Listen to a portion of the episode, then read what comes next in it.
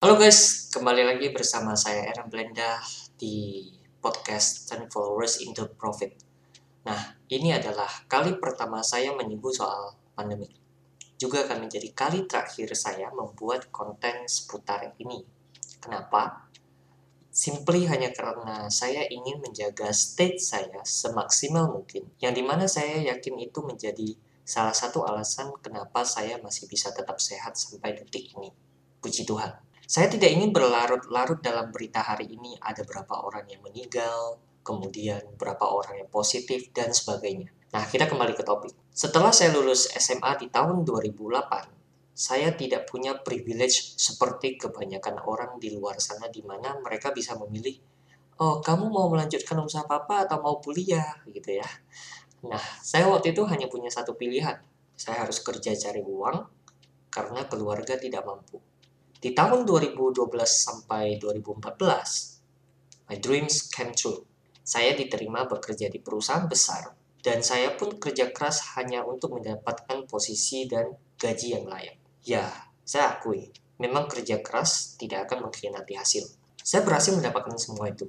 Karyawan tetap pula, ya, ada tunjangan, kalau dipecat, saya dapat pesangon.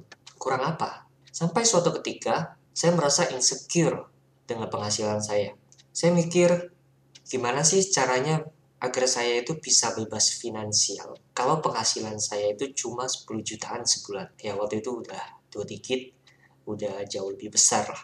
Kalau dibandingkan dengan UMR uh, eh, di Jakarta waktu itu. Anggap aja deh saya jadi manajer lima tahun lagi ya.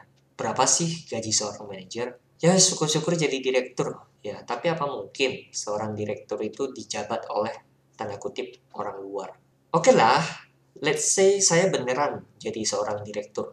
Usia berapa tapinya? 40? 50? Bebas finansialnya kapan? Nikmatin hidupnya itu kapan gitu ya. Semakin dipikir semakin horor. Nah dari situlah awal mulanya saya ingin menjadi seorang entrepreneur. Saya mikirnya simple. Apa pekerjaan yang bisa membuat saya jadi kaya? Saya waktu itu belum kepikiran bagaimana bisa menjadi dampak buat orang banyak, bagaimana bisa membantu orang banyak, belum. Belum sejauh itu. Nah, mau jadi direktur di perusahaan orang, ah, nggak mungkin. Ya, kelamaan, coret. Jadi pejabat, nggak punya koneksi. Lagian, saya nggak tertarik dengan yang namanya politik. Kepikiran untuk investasi sih, tapi setahu saya, it takes money to make money. Oke, okay? karena saya juga belakangan ini setahun dua tahun belakangan ini baru mulai masuk ke investasi. Sedangkan uang saya waktu masih umur 23 24 gitu ya, masih kerja di kantor itu masih belum banyak. Jadi saya pikir kalau investasi kelamaan. Ya memang sih investasi itu untuk long term, tapi pikir saya gimana agar saya bisa punya shortcut untuk menjadi tanda kutip kaya. Kemudian kepikiran juga nyari bini dari keluarga konglomerat. itu bukan tipe saya. Nah, saya bersyukur karena saya suka membaca, efeknya wawasan saya itu jadi lebih terbuka dengan dunia bisnis. By the way, saya bacanya itu buku self-development, bukan novel. Nah, pilihan saya akhirnya jatuh ke bisnis. Saya harus bisnis, pikir saya. Sudah terbukti banyak pebisnis yang sukses kaya raya. Yang gagal mungkin karena mereka tidak tahu caranya aja, pikir saya waktu itu. Nah, sebelum mengambil keputusan untuk resign dari perusahaan, saya pun minta pendapat ke semua orang yang saya kenal dekat. Nah, basically ada dua kubu. Ya, kubu teori pertama itu mereka adalah teman-teman dan keluarga yang rata-rata kerja di dunia korporasi. Mereka memberikan nasihat ke saya kurang lebih seperti ini. Lu nyari duit ya dari kerja dulu buat ngambil gelar S1. Ya, kemudian apply ke perusahaan besar biar gajinya besar nanti. Ah, pikir saya membosankan sekali hidup kayak gitu. Aigo. Kemudian kubu tayar kedua. Isinya itu teman-teman pengusaha dan para profesional yang saya lihat mereka itu hidupnya layak dengan jadwal rutin mereka itu tiap minggu gereja, kemudian setelah gereja makan-makan bersama keluarga mereka di restoran yang enak, mewah gitu ya. Mereka malah nggak memberikan usulan apa-apa ke saya. Mereka hanya bilang, andai aja Ron, saya mulai bisnis lebih awal. Dah, gitu doang. Nah, saya akhirnya memutuskan untuk memulai bisnis.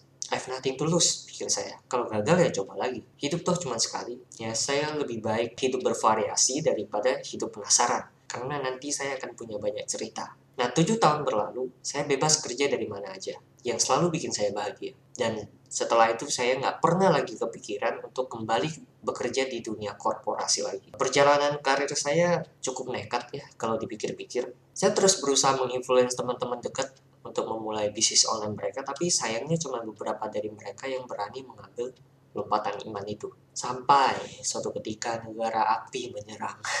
COVID-19 datang, baru mereka kalang kabut. Terlepas dari kekacauan yang disebabkan oleh pandemi COVID-19, ada sisi baiknya, yaitu aktivitas new normal yang menurut saya mencabik-cabik cara berpikir masyarakat kuno pada umumnya. Jadi paradigma-paradigma yang kuno yang ada di masyarakat itu benar-benar dihancurkan. Manusia menjadi punya kesempatan untuk memulai segalanya dari nol lagi terutama bagaimana cara mereka berpikir dan menjalani hidup.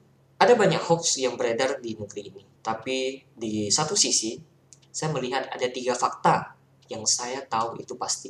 Pertama, hidup itu singkat, ya.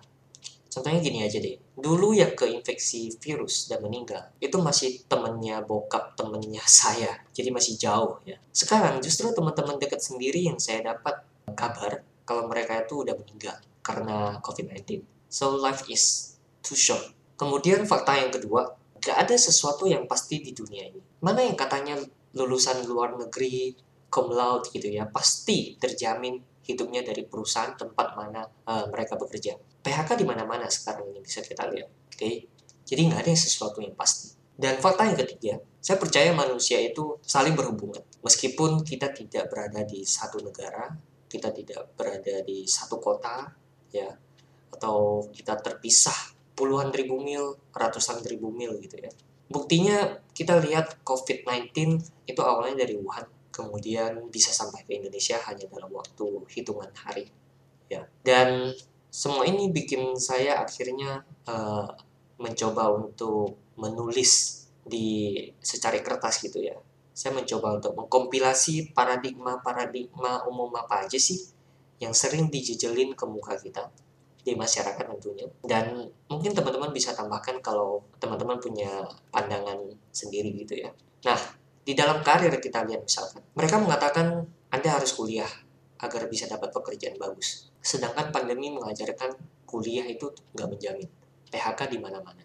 Kemudian mereka mengatakan freelance itu berbahaya anda harus punya pekerjaan yang tetap.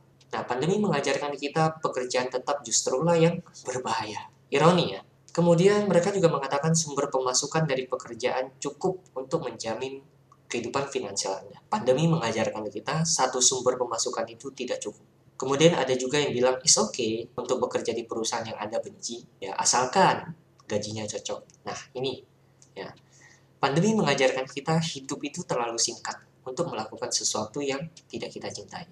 Nah, kemudian juga ada yang bilang kalau Anda kerja keras, maka Anda akan dihargai dan dibayar setimpal oleh perusahaan di mana Anda bekerja. Nah, pandemi mengajarkan kita kerja keras tidak cukup untuk jadi jaminan hidup kita itu bisa sejahtera. Nah, kuliah tinggi-tinggi tapi jalanin bisnis online sendiri itu katanya seperti membuang gelar Anda itu ke tong sampah. Di satu sisi, pandemi mengajarkan kita justru bisnis online lah yang saat ini itu bisa diandalkan. Nah, dalam bisnis juga banyak paradigma-paradigma yang uh, mainstream ya yang masih dipegang teguh ya terutama oleh para petinggi-petinggi uh, pemilik-pemilik bisnis di luar sana. Mereka berpikir mereka itu harus banyak meeting. Karyawan harus kerja dari jam, jam 9 sampai jam 5. Kalau karyawan nggak diawasin, maka bisa dipastikan mereka akan kendor. Mereka akan uh, nyolong-nyolong, gitu ya. Kemudian katanya kalau kerja di kantor itu lebih produktif daripada kerja di rumah. Mereka juga merasa perusahaan mereka itu tidak cocok untuk kerja remote Nah, pandemi mengajarkan kita banyak meeting, kerja 9 to 5, karyawan diawasin, kerja di kantor itu bukan jaminan pasti produktif. Ya, ya kita harus bisa bedakan sibuk dengan produktif. Yang sibuk belum tentu produktif. Nah, dulu mereka yang ngotot tidak bisa remote, akhirnya akan remote juga pada waktunya. Ya toh? Di pemerintahan gimana? Di pemerintahan paradigmanya yang saya lihat ya, masih pada nganggap sistem pendidikan yang ada di Indonesia itu cukup untuk jadi bekal ketika kita dewasa nanti. Kemudian ada paradigma yang berpikir bahwa pemerintah itu bisa diandalkan ketika masa-masa krisis seperti ini. Kemudian ada yang merasa tujuan dari adanya penegak hukum itu pasti kodratnya itu adalah untuk melayani dan mengayomi. Kemudian ada berpikiran politikus itu merupakan perwakilan rakyat yang bisa dipercaya. Well, pandemi mengajarkan kita, ya bahkan sebelum pandemi pun, ya, menurut saya itu sistem pendidikan di Indonesia itu masih jauh dari kata cukup sebagai bekal buat kita ketika kita dewasa nanti. Pandemi juga mengajarkan di masa seperti ini, mengandalkan diri sendiri dan Tuhan itu akan jauh lebih baik daripada menaruh harapan di pemerintah atau politikus. Ya memang kita harus mengandalkan Tuhan, tapi tetap kita harus berusaha. Ya. Nah, gimana kalau dalam dunia kesehatan? Nah, paradigma-paradigma yang ada di dalam dunia kesehatan contohnya eh, sistem perawatan paling mutakhir ya yang paling canggih yang ada di dunia itu sekarang sangat bisa diandalkan. Manusia begitu bangga dengan teknologi-teknologi bikinannya. Kemudian ada juga uh, yang berpikir obat dan vaksin itu adalah solusi terbaik dibandingkan dengan sistem imun yang diberikan oleh Tuhan. Kemudian ada juga yang punya paradigma mengelola stres, menurunkan obesitas dengan menggunakan obat-obatan gitu ya. Itu adalah sesuatu yang normal di dunia kedokteran, di dunia kesehatan. Nah, sedangkan pandemi mengajarkan kita, mau secanggih apa pun teknologi kesehatan di dunia, toh pandemi tetap terjadi. Dan saya tetap percaya, imun dari dalam tubuh itu masih merupakan obat terbaik untuk melawan COVID-19 itu sendiri. Oke, bagaimana caranya meningkatkan imun? Olahraga, ya. Saya lebih setuju dengan Mas Deddy Kobusir gitu ya, Om Deddy gitu, yang mempromosikan Eh, kesehatan dibandingkan dengan mempromosikan berita-berita hari ini berapa orang positif, update COVID setiap hari dan lain sebagainya. Menurut gue itu orang udah cukup tahu lah dengan keadaan COVID di Indonesia gitu. Lebih baik promosikan sesuatu yang meningkatkan imun itu sendiri. Olahraga, ya kemudian uh, jaga pikiran, ya kemudian bagaimana tetap bisa stay happy. Nah, menurut saya itu adalah sesuatu yang udah langka di masa-masa sekarang ini gitu. Kemudian dalam soal cara menjalani hidup ya, eh, banyak berpikiran bahwa kita itu harus bayar harga sekarang agar kita itu bisa hidup enak di masa depan ketimbang menjalani hidup yang ada untuk sekarang ini. Jadi mereka berpikir future lebih penting daripada present.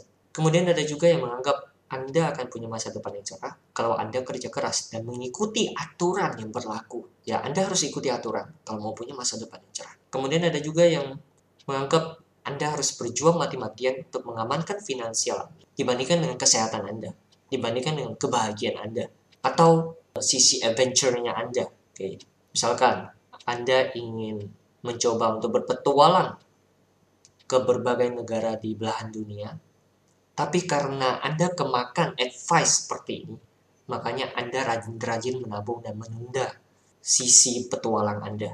Kemudian ada juga yang bilang banyak ya, ini bukan ada, banyak.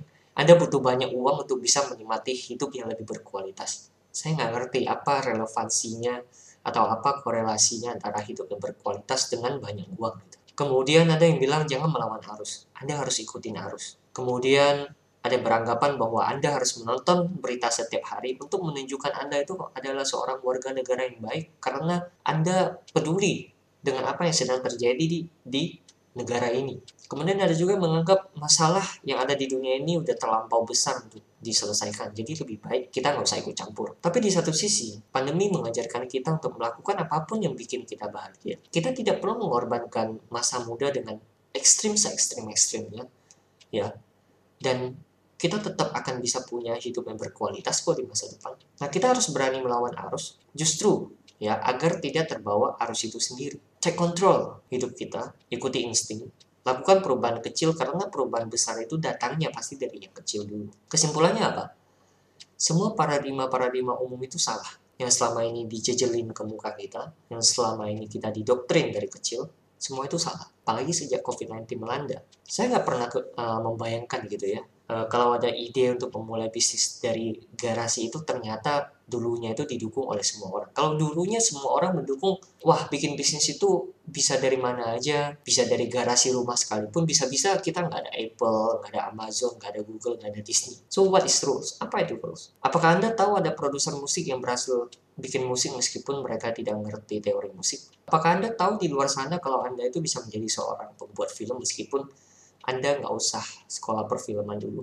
Apakah Anda tahu Anda bisa punya penghasilan ratusan juta sebulan dengan bekerja dari rumah di mana pun yang bikin Anda bahagia dekat dengan keluarga tanpa Anda harus ngantor macam-macam di jalan dan Anda yang jadi bosnya sendiri. No, saya bukan mengajak Anda untuk melepaskan segala sesuatu yang Anda punya saat ini kemudian resign dan memulai bisnis Anda sendiri? Enggak ya. Saya bukan kompor seperti kompor di luar sana yang mengajak Anda untuk resign kemudian uh, meninggalkan Anda begitu aja nggak ada solusi gitu. No. Tapi saya hanya ingin mengajak Anda untuk berpikir pernah nggak sih Anda ngebayangin kalau Anda bisa memulai dari awal lagi? Kira-kira kalau Anda bisa mulai dari awal lagi aturan mana yang akan Anda hapus dan Anda tulis ulang untuk hidup Anda? Toh sudah nggak ada lagi yang relevan sekarang ini karena pandemi ya kan Nah, ini adalah kesempatan Anda untuk mengikuti intuisi Anda dan live the life of your dreams. Dan ingat, gak peduli apa pun yang Anda rasakan sekarang karena imbas pandemi, selama Anda masih bernafas, maka Anda belum terlambat untuk memulai. Oke, sekian untuk episode kali ini. Saya ingin menginformasikan ke Anda bahwa saya baru saja menyelesaikan salah satu training berseri saya tentang cara membangun mesin uang Anda sendiri dari internet dengan memanfaatkan skill, pengetahuan, passion, pengalaman yang Anda punya. Linknya ada di kolom deskripsi. Saya janji ini akan menjadi training paling keren yang akan Anda dapatkan di tahun ini. Ya, ada empat video dan durasinya itu lebih dari satu jam. Saya cuap-cuap panjang kali lebar. Ya, semoga bisa memberikan Anda insight baru untuk melakukan sesuatu yang baru lah, terutama di masa-masa seperti ini. Oke, langsung saja klik link ada di deskripsi. See you.